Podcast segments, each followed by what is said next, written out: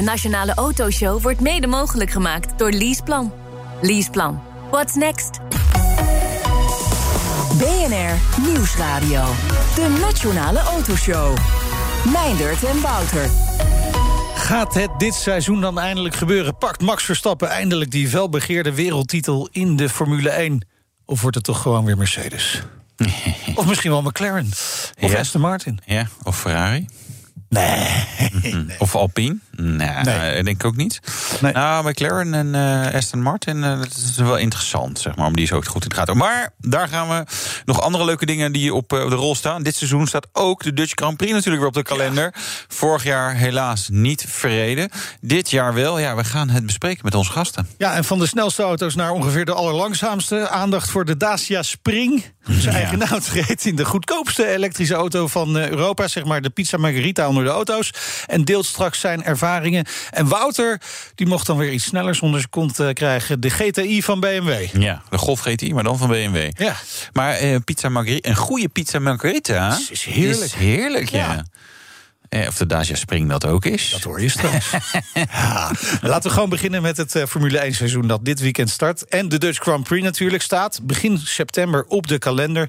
We hebben twee eh, mooie gasten. Jan Lammers, voormalig Formule 1 coureur en sportief directeur van Ja. de Dutch Grand Prix. Hier bij ons in de je studio. bent nu al met hem aan het flirten. Mooie gasten, Ja. en zo'n knipoog. Mooi begin. Je ziet er weer goed uit, Jan. En eh, Robert van Overdijk, directeur van CM.com Circuit Zandvoort... mededirecteur van de Dutch Grand Prix organisatie... in de studio boven ons. Je ziet er ook goed uit, eh, Robert. Fijn dat je er bent.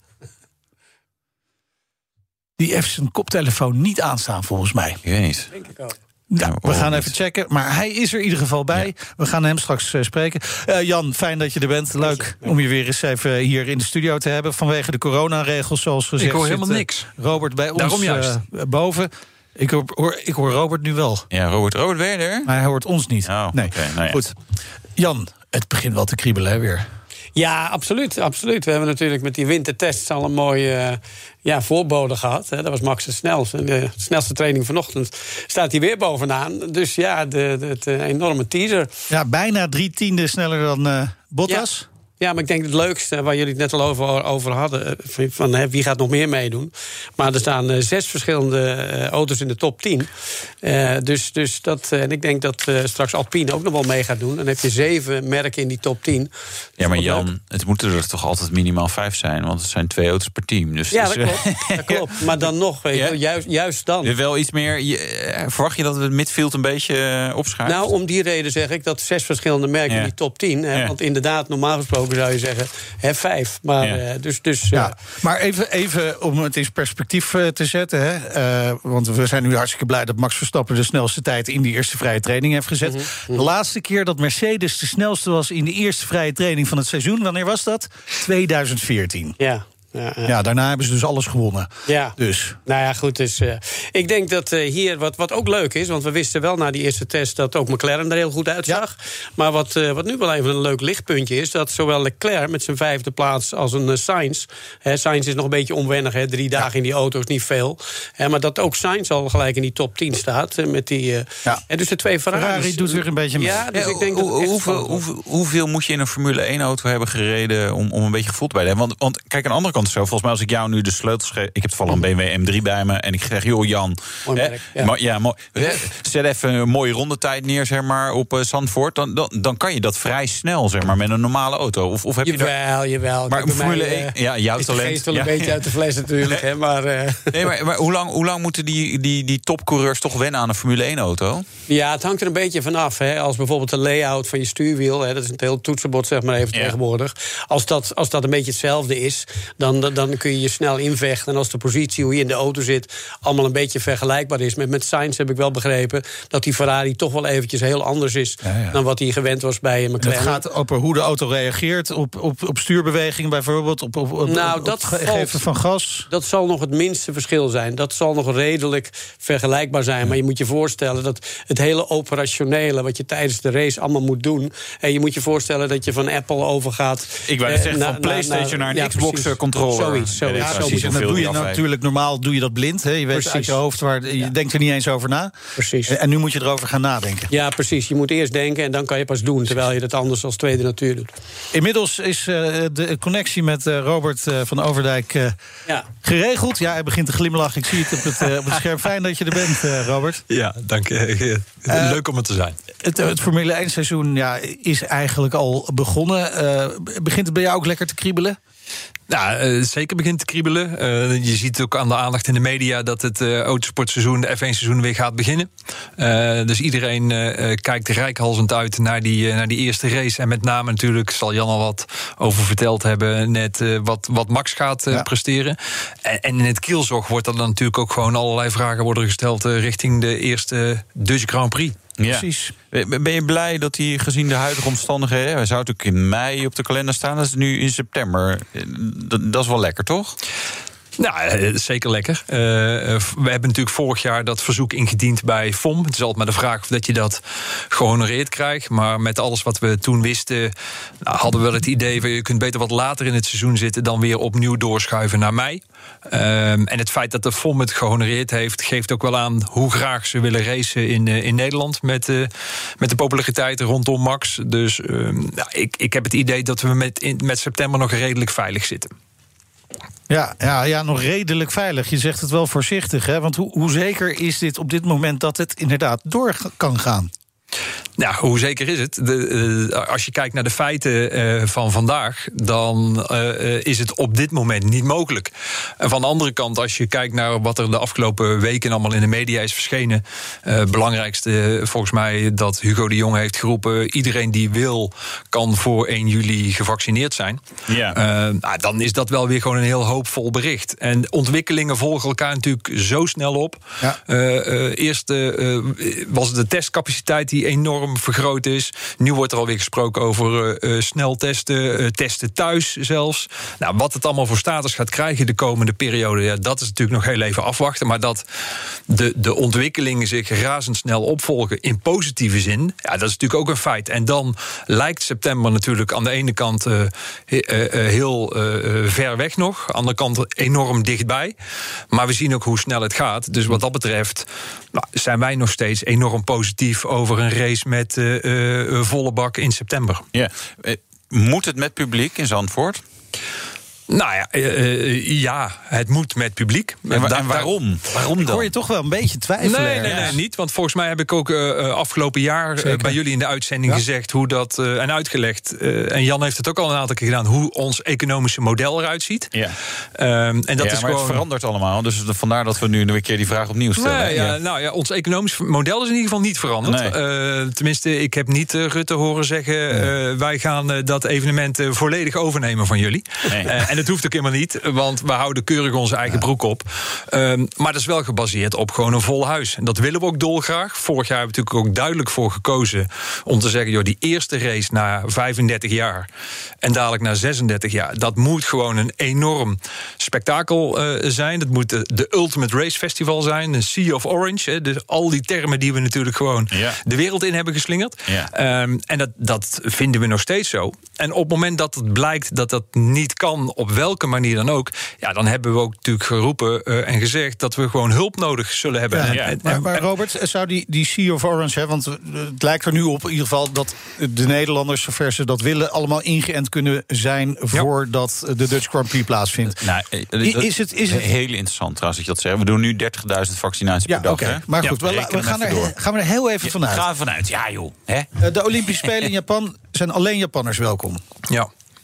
Wat betreft de Dutch Grand Prix, is dat straks alleen maar. eh, Ook alleen voor Nederlanders? Ja, alleen voor Nederlanders. Dus die Oranje Zee eh, eh, toegankelijk. Of hou je er nog steeds rekening mee dat ook mensen uit het buitenland welkom zijn daar? Nou ja, kijk, uiteindelijk zal het denk ik een combinatie zijn van de vaccinatiegraad, van testen, van thuistesten. En alles bij elkaar leidt tot een vol huis. Vorig jaar hebben we natuurlijk ook gewoon heel bewust voor gekozen vanwege de enorme druk in Nederland op de kaarten. Om eh, eh, gewoon de kaarten zoveel mogelijk aan Nederlanders toe te kennen. Eh, dus het percentage buitenlanders, wat voor ons best een belangrijke groep is voor de komende jaren. Ja. maar is voor dit jaar, het eerste jaar, nog vrij beperkt. Dus in, in dat kader denk ik dat op het moment dat de Nederlanders zouden kunnen komen en een aantal buitenlanden nog niet, vanwege de situatie daar. Ja, dan, dan lossen we dat denk ik op. De animo in Nederland is nog steeds zo groot... dat we niet bang zijn om met kaarten te blijven zitten. Maar voor de duidelijkheid, er is nog geen beslissing over genomen? Nou, die beslissing ligt ook niet bij ons. Uh, uh, nogmaals, wij willen dolgraag. Als je naar de status van vandaag kijkt... dan kan het vandaag de dag niet. We zijn nog steeds positief dat het in september wel kan. Uh, en, ja, Hugo de Jonge roept voor 1 juli zou iedereen gevaccineerd kunnen zijn. Uh, maar de consequenties als dat is, wat dan nog wel en niet aan maatregelen gelden, ja, die, die beslissing ligt toch echt alleen bij de overheid. Ja. Maar jullie moeten natuurlijk ook een soort go-no-go beslissing nemen. Hè? Wat is het uiterste moment? Je kan zeggen, nou, nu weten we dat het gewoon doorgaat, of dat het niet doorgaat. Nou, snap ik. Uh, uiteindelijk hebben we een bepaalde opbouwtijd nodig. Hè. Dan, dan begint het ook echt uh, te knellen qua tijd. En we hebben een week of acht tot tien. Nou, hou het eens op acht weken nodig om het evenement op te bouwen. Kijk, aan het circuit hoeft niets meer te gebeuren. Dat was vorig jaar klaar, dus dat is nu ook klaar. Sterker nog, het is, het is nog veel mooier dan vorig jaar. Uh, dus die opbouwtijd voor die tribunes, voor die tenten, alles wat er aan faciliteiten moet komen, daar hebben we een week of acht voor nodig. Nou, reken maar terug voor wanneer we dan graag zouden willen weten uh, of dat het wel of niet kan.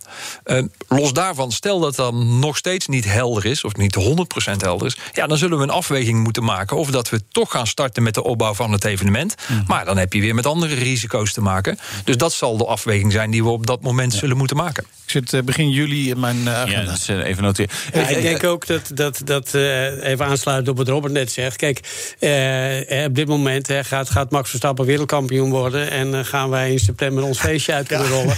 En dat zijn van die, van die glazen bollen. Maar kijk, één ding is heel duidelijk. Wij hoeven niet alles meer helemaal uit te leggen. Want het publiek zelf kan het al heel erg volgen. Ja, en wat dat betreft zijn we ook een jaar verder qua kennis. En noem maar op, en communicatie. Dus dat is één ding. Ja, en wij leven natuurlijk niet boven de wet. En zeker niet boven nee. de coronawetten en maatregelen.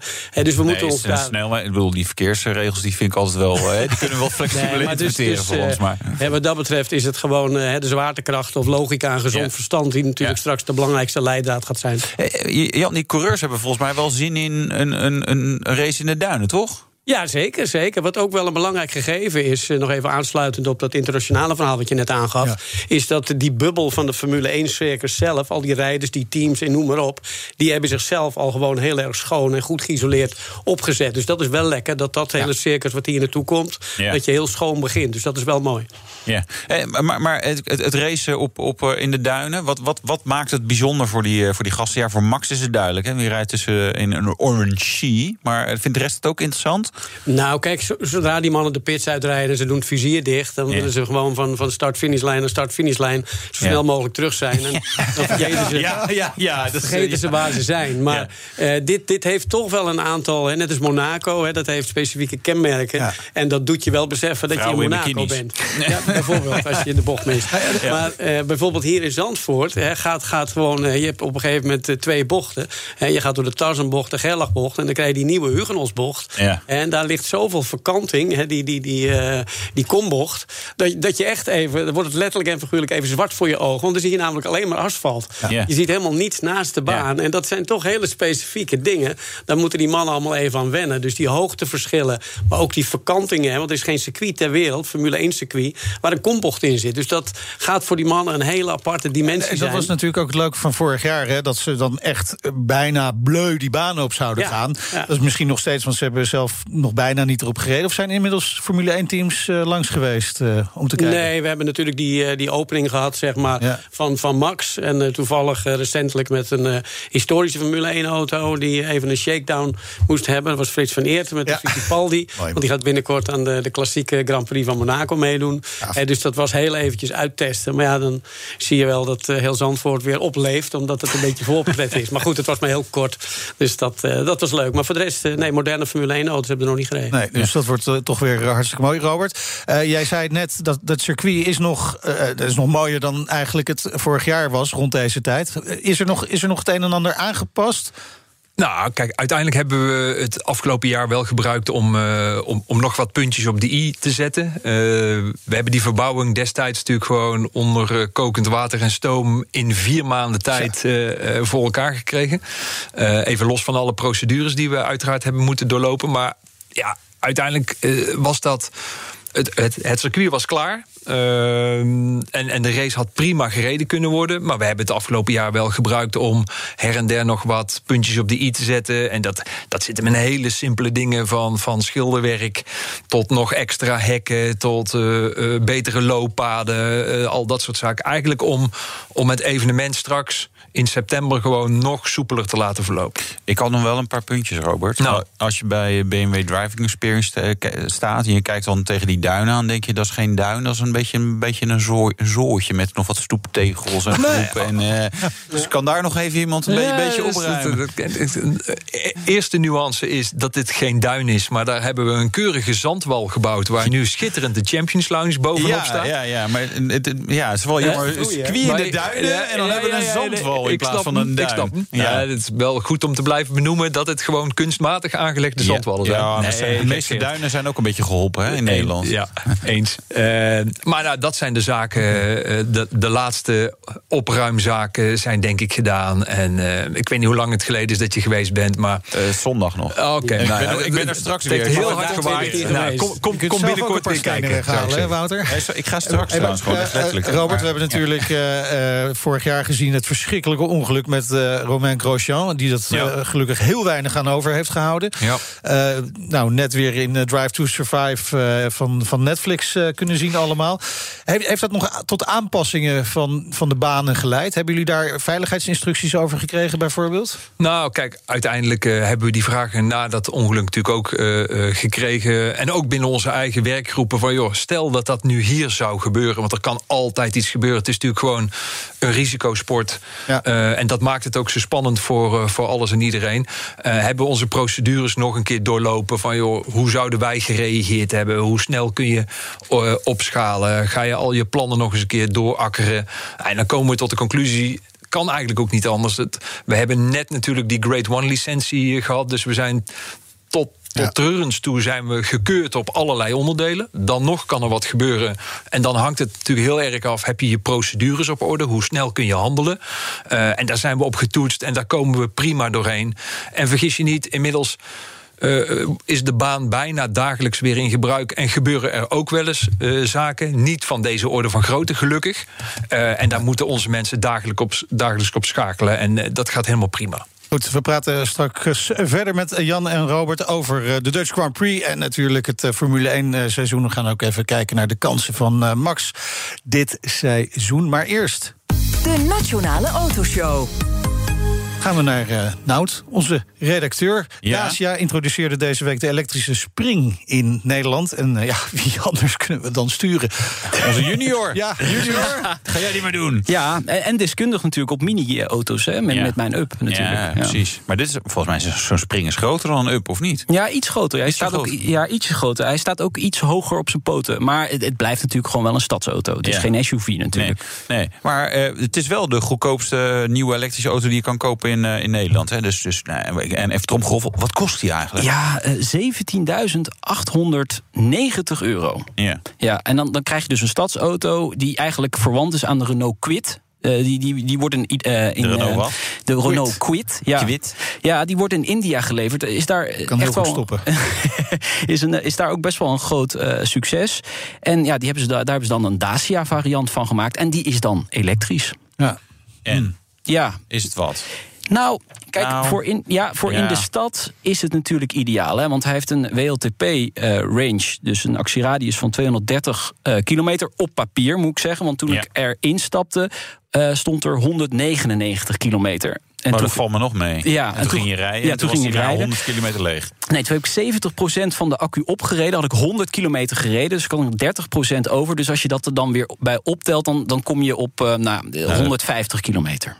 Ja, als je niet goed kan rekenen wel. Ja, maar ja, nee. ongeveer. Ja. nee, maar het is een kleine 150 kilometer. Het was niet heel koud. Je reed dinsdag, uh, dus het is ja, nou ja, oké, okay, ja, twee derde. Dat zeg ik altijd. Dat dat red je wel. Ja, nou, dat, klopt, klopt dan. Dus wel. 150 kilometer en dan 18.000 dus, euro. Ja, ideaal voor in de stad of in de randstad. Maar, maar, maar nou, als je langere afstanden gaat doen, ja, dan, dan is het geen goede optie. Die, hoor. die batterijen alleen al kosten natuurlijk zo'n 10.000 euro. Dus verder krijg je helemaal niks. Nee, ja, het is een Dacia, dus het is een, een batterij met wielen natuurlijk. Ja, ja, nou ja, op zich, uh, ik zat natuurlijk een iets uh, duurder model, volgens mij de business variant, dus dat, daar is nog wel een beetje aankleding en een touchscreen zit erin. Maar ja, inderdaad, uh, gewoon standaard ja. is, is natuurlijk heel sumier uitge, uitgevoerd. En, en maar 44 pk. 0 tot 100 doet hij in, in, in 19 seconden. Uh, ja, en, en uh, de top uh, speedrun heb ik natuurlijk ook even gedaan. Hij, 125 km per uur zou die moeten halen. maar met wind mee haalde ik 130. en bergaf. Ja, het is dus zeg maar echt een regio-auto. Ja. En maar dan is het natuurlijk even, oké, okay, het is elektrisch, dus je rijdt heel goedkoop. maar het is mm -hmm. elektrisch en dus, dus uiteindelijk best een dure auto voor wat het is, zeg maar. Als je het vergelijkt met ja. verbrandingsauto's. Maar, kunnen we hem aanbevelen? Ik, heb, ik zit een beetje dubbel. Dat ik denk aan de ene kant, ja, ja. heel mooi, zeg maar, voor prima pakjesbezorgauto. Ja, ja. Nou, dat is goed, want er, er komt ook een, uh, een cargo variant. Oh, okay. Dus uh, dat, dat zou uh, op de termijn kunnen. Hoewel ze, ze kijken nog even naar de regelgeving op het gebied van grijs kenteken. Dus ja. het is nog niet helemaal 100% zeker of die, of die er gaat komen. Niet tot eigenlijk allemaal mensen teleurgesteld zijn. Nee, je hebt gelijk, Wouter. Ik, ik denk zeker voor in de stad en net daarbuiten is het echt een ideale auto. voor misschien voor een tweede auto of misschien zelfs een derde auto waar Dacia zelf over, over sprak. ja, ja. Um, ideale derde auto. Ja, het is onze instapmodel is ideale derde auto. Ja. Ja. Maar en, ik, en, die moet je dan een beetje zeg maar, aan de zijkant van je, van je oprijlaan zetten. Want daar kan hij dan laden. Nee, Zodat ja. niet, niemand hem kan zien. Nee, uh, maar uh, als eerste auto in een gezin... nee, daar, daar, daar, daar, daar ga je hem niet voor gebruiken. Absoluut niet. Dankjewel, Nout. Terug naar je plekje, achter het scherm. Zometeen. Ja, praten verder met Jan Lammers natuurlijk en Robert van Overdijk. En een rijtest in uh, iets heel anders. De BMW 128 Ti. Tot zo. BNR Nieuwsradio. De Nationale Autoshow. Meindert en Wouter. De GTI van BMW, zo wordt die ook wel genoemd. Wouter testte 128 Ti. Ja, het is 128. toch. Nee, maar het is toch. Ik heb besloten, het is de 1-serie, dus het is de 128 Ti, wat mij betreft. Maar goed, Wouter was weer niet te stoppen. Hij heeft ruim 17 minuten opgenomen. Gaan we niet allemaal uitzenden, oh, Wouter. Sorry. kunnen we nu al bijna weg. Doen we in de, nee. in, de, in de podcast. Ja. Uh, straks dus het resultaat, maar nog altijd bij ons de gast Jan Lammers, voormalig Formule 1-coureur en sportief directeur van de Dutch Grand Prix. En Robert van Overdijk, directeur van CM.com Circuit Zandvoort. Uh, en mededirecteur van de Dutch, Dutch Grand Prix organisatie. Ja, en als die Dutch Grand Prix in Zandvoort terug en daar gaan we wel even vanuit, hè, dan heeft dat economisch gezien grote impact. Robert, daar is uh, nader onderzoek naar gedaan. Wat blijkt daaruit? Nou, daar, daar blijkt uit dat uh, de impact van het evenement economisch gezien. Rond de 80, 100 miljoen op jaarbasis is. Hè. En, dan valt er ongeveer 80 miljoen in, uh, in de grote regio rondom Zandvoort. Ergens in Zandvoort uh, land ergens uh, rond de 30 miljoen. maar het overgrote deel valt ook gewoon in de metropoolregio Amsterdam. Los van een deel dat nog gewoon verspreid in Nederland en internationaal valt. Dus op dat vlak denk ik dat de economische spin-off van zo'n dergelijk wereldevenement... Ja, dat je dat niet moet onderschatten. en dat dat ook gewoon de reden is natuurlijk dat en Zandvoort, maar ook een groot deel van de regio gewoon enthousiast is over de terugkeer van zo'n evenement. Ja, waar, waar zitten die economische voordelen in? Nou ja, kijk, uiteindelijk uh, hebben we gezegd... we proberen ook de meest duurzame Grand Prix op de kalender te zijn. Dat betekent ook dat je zo dicht mogelijk bij huis inkoopt. Uh, en, en dat, dat heeft met horeca te maken. Maar dat heeft ook met de verbouwing te maken uh, van het circuit destijds. Het is allemaal gedaan door uh, ondernemers die uit de regio van Zandvoort komen. grote bouwbedrijven, maar wel gewoon allemaal gevestigd in de regio. Nou, dat brengt natuurlijk ook gewoon werkgelegenheid met zich mee.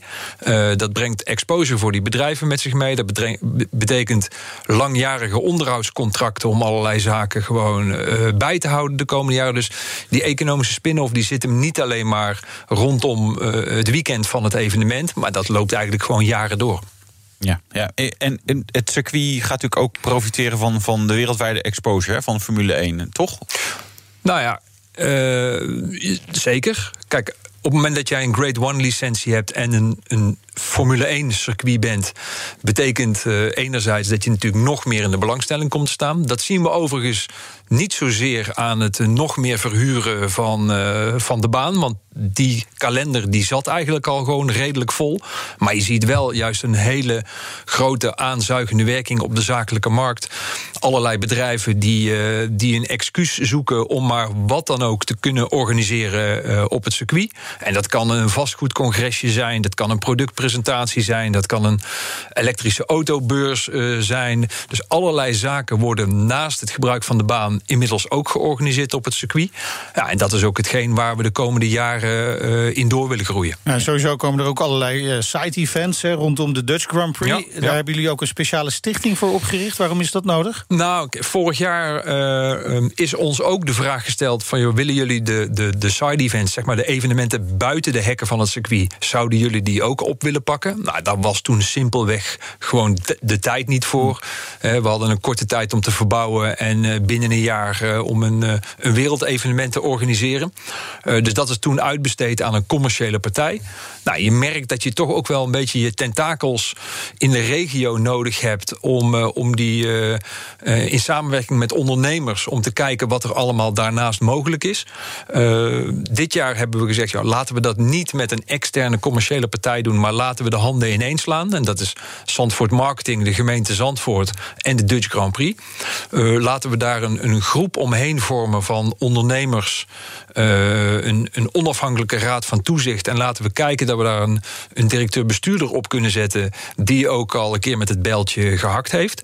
Um, want ook in ons belang en dat klinkt heel tegenstrijdig, is uh, om die omzet die gemaakt kan worden in zo'n weekend, om die niet alleen maar op het circuit te laten vallen, maar ook in de grote regio. Want dat draagvlak, dat positieve draagvlak, ja. hebben wij namelijk ook gewoon de komende tien jaar nodig. Nou, Jan, jij bent de echte zandvoorter natuurlijk. Ja. De enige ja, van ons volgens mij. -hmm. uh, hoe, hoe belangrijk is het allemaal voor de hele regio? Nou ja, superbelangrijk natuurlijk. Hè. En uh, daar, daar hebben wij natuurlijk wel de autosportbril uh, op. Maar uh, als je kijkt naar bijvoorbeeld de, de vertraging met, met het uiteindelijk, hè, de, de coronavertraging, zeg ja. maar, die is opgetreden. Die heeft met name op dat gebied toch wel heel positief bijgedragen. Omdat je, je hebt meer tijd voor overleg met mensen in de regio, met de ondernemers, met hm. de bewoners enzovoort. Dus je krijgt ook meer gelegenheid om elkaar beter te begrijpen. Ook minder weerstand? Uh, nou, als je, als je dingen uitlegt, dan, dan, dan neem je natuurlijk weerstand weg. Maar nemen ja. mensen bij ons ook uh, een, een, ja, weerstand weg? Nou, noem het eigenlijk meer dat ze bij ons ook meer begrip opwekken. Ja, ja. Zodat wij weer over dingen na kunnen denken. Dus kortom, je komt dichter bij elkaar qua, qua begrip. En, uh, dus ja, die zandhagedissen ben jij gaan voeren? Of was het ook weer? ja, dat goed, weet je. ja, Zo'n situatie krijg je natuurlijk. Hè? Ik bedoel, dat, dat wij kunnen daar, of, of zoals jij aanzegt kun je daar een olijke noot van maken. Maar ja, er zijn gewoon mensen, dat moet je ja. gewoon respecteren. Ja. Wij vinden autosport leuk. En die mensen, dat is hun ding. Daar zijn ze mee bezig, dat is logisch. En dat moet je gewoon respecteren. Daar kun je niet lacherig over zijn. Moet je over nadenken, hoe kun je dat oplossen... en hoe kun je dan uh, gewoon het ongemak voor diegenen die niets met autosport hebben... hoe kun je dat tot een minimum beperken? Uiteindelijk, hè, we hebben het net over van, van, van uh, wat dat waard is hè, voor Zandvoort. Maar er is natuurlijk een andere waarde. En dat is natuurlijk die wederzijdse autoriteit.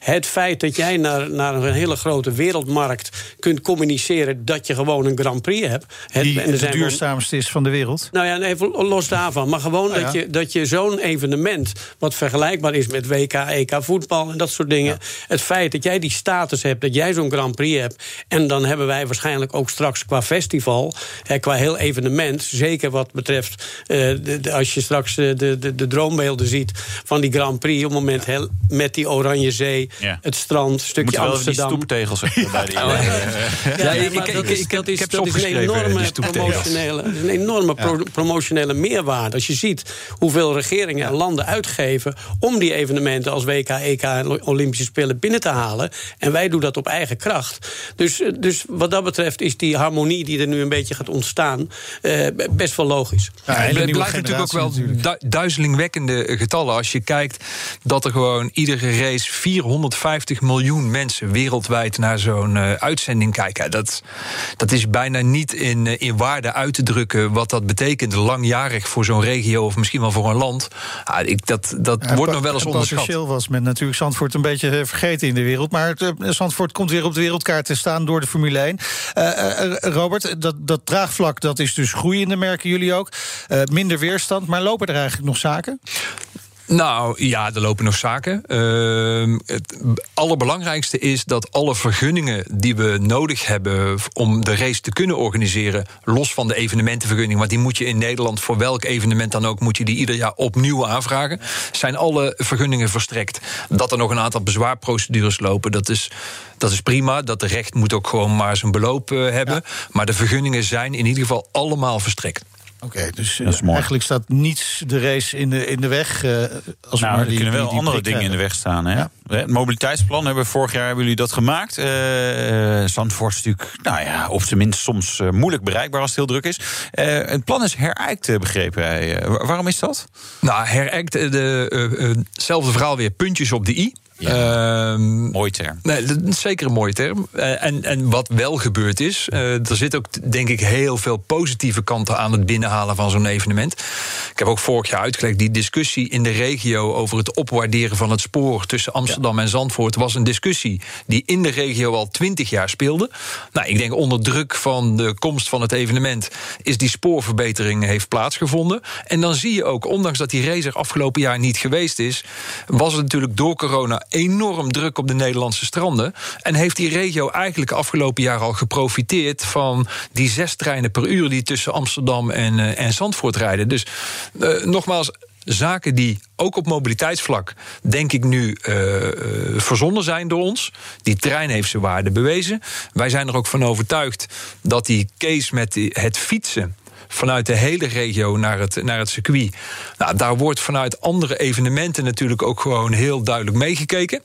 Ik heb al eens uh, aangegeven, Parijse Olympisch Comité, die natuurlijk straks met eenzelfde uitdaging heeft. Uh, Parijs wereldstad, met de auto kom je er niet van A naar B.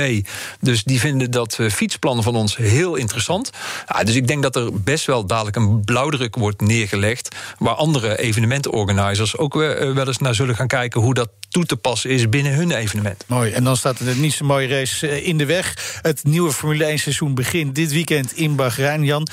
Uh, de grote vraag die er voor ons allen, die, die oranje zee boven het hoofd hangt... wordt dit het seizoen van Max Verstappen? Ja, ja? ja, jammer dat ik het nou verraden heb. Maar, Ach, nou ja, lekker. Ik kan nog even inzetten, denk ik. Uh, bij... Nee, ik, ik, ik denk absoluut. En niet, niet vanwege de oranje bril. Uh, maar ik denk gewoon echt, het ziet er gewoon hartstikke goed uit. Uh, Honda heeft echt grote stappen gemaakt. En Honda is absoluut tot iets in staat. Dat hebben we in het verleden wel gezien.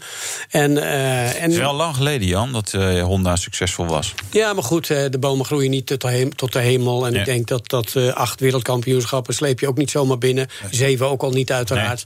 Nee, maar, maar uh, dus als, als Mercedes het dit jaar voor elkaar gaat krijgen, uh, chapeau, hè, dan is het echt geweldig. Maar het zal een enorme strijd gaan worden. Want uh, ik denk namelijk dat, dat, dat dit wel een belangrijk jaar is om een heel klein stukje onderscheidend vermogen te hebben. Als dat dus in mijn optiek voor Honda Red Bull zou zijn. Want ik denk dat degenen die daarachter zitten, stel dat dat Mercedes zou zijn, die vallen ook in de klauwen van McLaren en, en andere mensen die af en toe gewoon hun weekend hebben. He, want hadden vorig jaar roze uh, Mercedes'en. En dit jaar hebben we groene. Ja, ze zijn nog moeilijker uit elkaar te houden. Ja, nee, dus, dus de strijd echt om die derde plaats op het podium... die gaat gigantisch zijn. Ja. Ik denk wel dat Max ook heel veel vordering gaat hebben.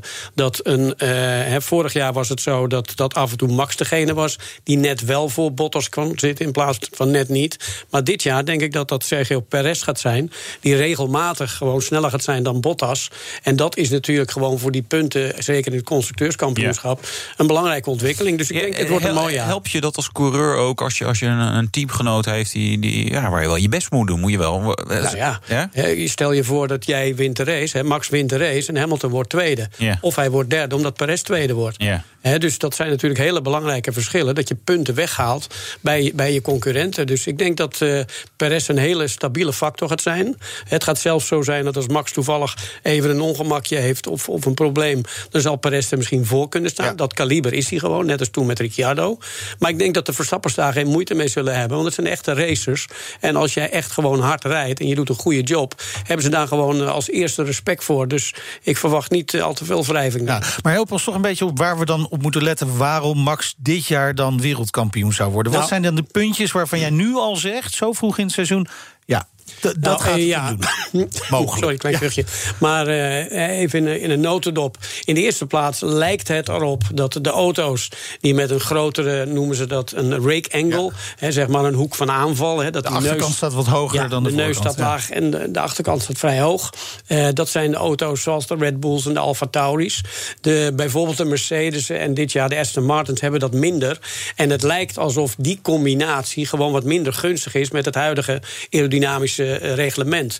Um, nou kun je gaan zeggen, ja, dan zet je die Mercedes toch ook hoog van achteren. Zo simpel is dat niet, want er komt namelijk je hele wielophanging niet meer uit. En daar weten jullie alles van. Je hele geometrie achter klopt dan niet meer. Dus je moet een heleboel dingen aanpassen. En je mag maar een bepaald aantal dingen, want je hebt daar van die, van die tokens voor die je mag gebruiken. Dus uh, het is niet zo simpel als gewoon de rijhoogte omhoog en gassen. Dus het lijkt gewoon dat het hele concept wat Honda en Red Bull nu heeft, de verbeteringen qua motor en hoe het gewoon hun past binnen het standaard concept wat ze hadden qua aerodynamica. En want men zegt wel 60% van de, uh, van de downforce komt onder de auto vandaan. Ja, dat is natuurlijk een halve waarheid. Hè? Want kijk even naar een vliegtuig. En dan moet je gaan denken dat de ene kant van de vleugel belangrijker is dan de andere kant.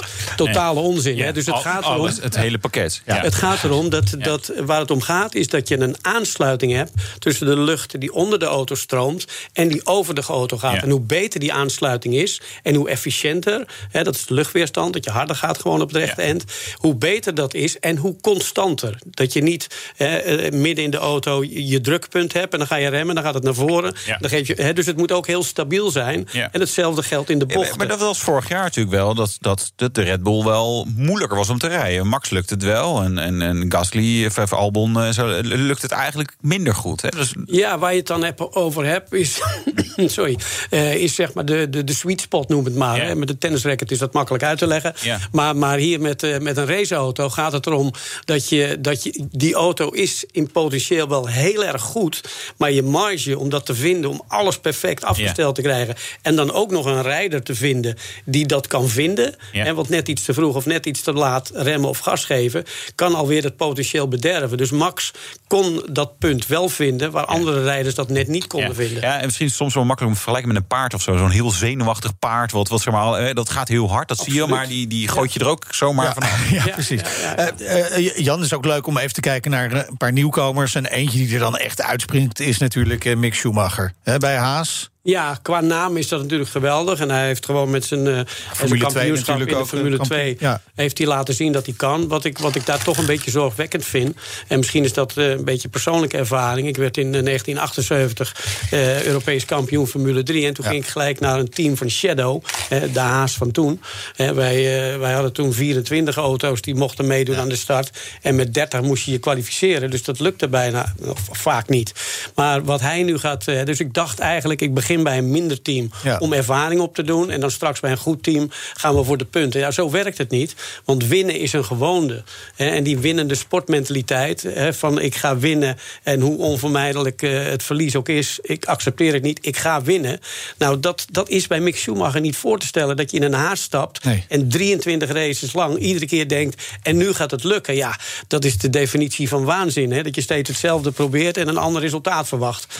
dus, dus voor Mick Schumacher uh, vind ik het zorgwekkend dat hij een jaar gaat ervaren uh, dat hij achteraan rijdt. En dat doet heel veel met je sportmentaliteit. Ja, aan de andere dus, kant, Max is toch ook in het Toro Rosso begonnen, die ja, ook die niet... een beetje het middenveld. Hè? Ja. En een, en een uh, Russell, ja, George Russell, die heeft dat ook natuurlijk gehad. En die reed een beetje soms toch in het middenveld. En bij George Russell heeft het natuurlijk zijn houdbaarheidsdatum natuurlijk een beetje verhoogd... doordat hij even met die Mercedes Ja, precies, want we erkennen toch allemaal wel dat hij enorm veel talent heeft, die Russell. dus, dus dus, dus die spirit van een Schumacher, die absoluut vol gemotiveerd zal zijn. Ik hoop dat hij wel goed genoeg en lang genoeg blijft. Dat hij ook de gelegenheid krijgt om straks bij een topteam uh, te schitteren. Ja, dat zou mooi zijn. Uh, nou zit er ook nog Nederlands talent natuurlijk in de pijplijn. Hè? Je ja. eigen zoon René misschien wel. Zie, zie je die ook zo'n stap maken over een paar jaar? Nou ja, ik, eh, ik, natuurlijk, eh, ik, eh, ik ben niet objectief, maar het je gaat om de, de allerbeste. Ja. Nou, nee, ik vind hem niet de allerbeste. Dat, dat, ik heb altijd gezegd, van, ja, ik kan lullen wat ik wil. Het gaat er gewoon om de resultaten. Hè. Winnen is de enige weg vooruit. En hij wint heel veel, vorig jaar en dit jaar. Dus het gaat goed, de resultaten zijn goed. En ja, die mannetjes die op deze leeftijd dat soort resultaten hebben... zitten vaak tien jaar later in de Formule 1. Dus zomaar. Het zou heel mooi zijn, dat zou wel heel erg gaaf zijn. Robert, nog even naar jou, begin september dus, hè, de Dutch Grand Prix. Wat, wat gaat er nou de komende periode nog gebeuren? Ja, heel veel glazen bol kijken, denk ik. Uh, Heel veel overlegjes. Uh, ja, kijk, want dat is natuurlijk wat er, wat er bijna dagelijks gebeurt. Hè. Je, kunt daar, je kunt iedere dag anderhalf uur vullen met wat zou er morgen nou weer zijn. Wij gaan gewoon volledig door met het, met het organiseren alsof er straks inderdaad die 104.000 mensen zitten. Dat zijn we ook gewoon verplicht. en daar geloven we ook nog steeds heilig in. En wij zien in de tussentijd houden we natuurlijk gewoon nauwlettend het nieuws in de gaten. we zijn betrokken bij allerlei overleg vormen, vereniging van evenementenmakers. We zitten in een clubje met eh, de grote evenementen, EK, Songfestival, noem maar op. Dus we hebben heel veel contact met de overheid. Ehm, dus dat loopt parallel. Maar in de tussentijd gaan we gewoon volledig door met het organiseren van het evenement. En Robert, toch even de voorspelling. Jan zegt Max wordt wereldkampioen. Wat zeg jij? Nou ja, dat, dat hoopt natuurlijk uh, iedereen. Uh, en, en als je kijkt van joh, wat zou uh, economisch het meest interessant zijn, dan is het misschien wel 3, 2, 1 de komende jaren. Dan blijft natuurlijk gewoon de hype bestaan. nee, maar wat mij betreft mag hij direct op het hoogste treedje ja. staan. Later, dit wat jaar. denk jij? Uh, nummer drie wordt hij gewoon. Nummer drie. Ja, ik zeg zo pessimist. wereldkampioen. Ja. Wij gaan er nog een flesje wijn op zetten samen. uh, hopelijk gaat het in ieder geval allemaal door. We gaan er wel vanuit. De Dutch Grand Prix in september. Succes en heel veel dank voor jullie komst. En heel veel succes de komende maanden in de voorbereiding. Jan Lammers, voormalig Formule 1-coureur... sportief directeur van de Dutch Grand Prix. En Robert van Overdijk, directeur van CM.com Circuit Zandvoort... en mededirecteur van de Dutch Grand Prix organisatie. De rijimpressie. Ja, daar komt hij dan. Wouter die voelt de BMW 128 Ti aan de tand. Komt hij? Traditioneel gezien heeft een BMW motor in de lengterichting, achterwielaandrijving, ja, eigenlijk ook gewoon een zescilinder. En dan rijden we hierin. Is het een nieuwe Einza? Ik weet niet of je het ook kunnen horen. Dit is geen 6 in lijn. Nou, en conservatief als ik ben, zijn er nog meer dingen die mij opvallen. De voorwielen worden aangedreven. De motor ligt in dwarsrichting. Ja, eigenlijk zoals een hele modale hatchback dat ook heeft. Hè. Zoals een Golf of een Focus. Nou ja, je, voelt zeg maar, mijn ergernis al. Uh, ja, dat was even wennen. Ik had zelf een vorige type 1-serie met achterwielaandrijving en een handbak en een 6 in lijn met een turbo dan. Dat puristen natuurlijk eigenlijk ook niet willen hebben, maar ik was er toch erg blij mee. Dus toen de nieuwe kwam was het toch wel een beetje een shock dat het een voorwielaandrijver werd. En uh, ja, ja, eigenlijk gewoon niet blij mee. Maar goed, het gaat niet alleen om mij in het leven. Het gaat ook om de klanten natuurlijk die daadwerkelijk dit soort auto's kopen. Ja, en BMW was wel een tijdje aan het voorsorteren op de keuze die ze gingen maken qua platform en qua technologie die ze in de 1-serie gingen zetten. Want uh, er kwamen wat onderzoeken dat heel veel van de 1-serie rijders wisten niet eens welke wielen werden aangedreven en vonden dat ook niet belangrijk. We hebben een paar keer een persbericht over gehad. En dat was natuurlijk ten tijde van de keuze en de ontwikkeling voor de voorwiel aangedreven 1-serie. Dus ja, er werd langzaam die kant op gemasseerd. Het idee ook achter een voorwiel aangedreven 1-serie is dat dat toch goedkoper is om te produceren. Dat je meer ruimte in het interieur krijgt. want een motor dwars voorin, dan heb je niet dat dat motorblok wat helemaal naar binnen steekt. Dan kan je het neusje wat korter houden en passagiers en bestuurder en bagage meer ruimte geven. Is wel heel saai allemaal, hè? Ja, dat, is, dat was natuurlijk ook het probleem. Dat vind ik allemaal heel saai. Ik hou van, van auto's met een beetje pit en spirit. En ik ben een petrolhead. En hij moet, ja, elektrisch doen ze ook al bij BMW. Nou ja, wat dat betreft genoeg frustraties voor als je maar ouderwets genoeg bent. Aan de andere kant, ik zit nu in de BMW 128 Ti. En daarmee heeft BMW onder leiding van de Nederlander Jos van As... die gaat over de onderstellen en de afstemming en het leuk maken van de auto's dus... het toch weer een beetje goed gemaakt. En dat moet ik denk ik wel even gaan toelichten uh, wat er dan is gebeurd. Hè? Toen de nieuwe 1-serie kwam. Toen kwamen er wat diesels en wat instapbenzines. Uh, maar ook de M135i X-Drive. Uh, nou had ik zelf een M135i en dat was nou ja, de achterwielaandrijver met die handbak en die 16 lijn. Uh, de nieuwe M135i X-Drive was altijd X-Drive, vierwielaandrijving, viercilinder, turbo en een automaat met acht verzetten. Dus eigenlijk alles wat ik niet wilde. Nou ja, die automaat is wel lekker. Dat is dan weer wel. En dat is de BMW 128 Ti. Aanpassingen wel? Toch leuk? Ja, nee, het is gewoon een leuke auto. Leuke auto. Ja. ja. Leuker dan de, zijn grote broer. nou, de, doen dus, wat kost dat? Uh, iets meer dan 50. Of 51.164. Ja. die prijs wel weer aangepast. Hoeveel, hoeveel van die springs kun je daarvan geven? Vier? Drie. Drie. Ja. Drie, ja. Drie keer 17. Ja. Kom je er wel ongeveer uit. Dit was de Nationale Autoshow. Terugluisteren kan via de site, de app, Apple Podcast of Spotify. Ja, vergeet je niet te abonneren. Volg ons Twitter, Facebook, Instagram. Weet ik veel wat we allemaal doen, hè. Uh, hoe heet je ook alweer? Meindert Schut. Ja, en ik was Wouter Kars. Hou die naam. Ja, precies. Nou, tot volgende, volgende week. Doei. De Nationale Autoshow wordt mede mogelijk gemaakt door Leaseplan. Leaseplan. What's next?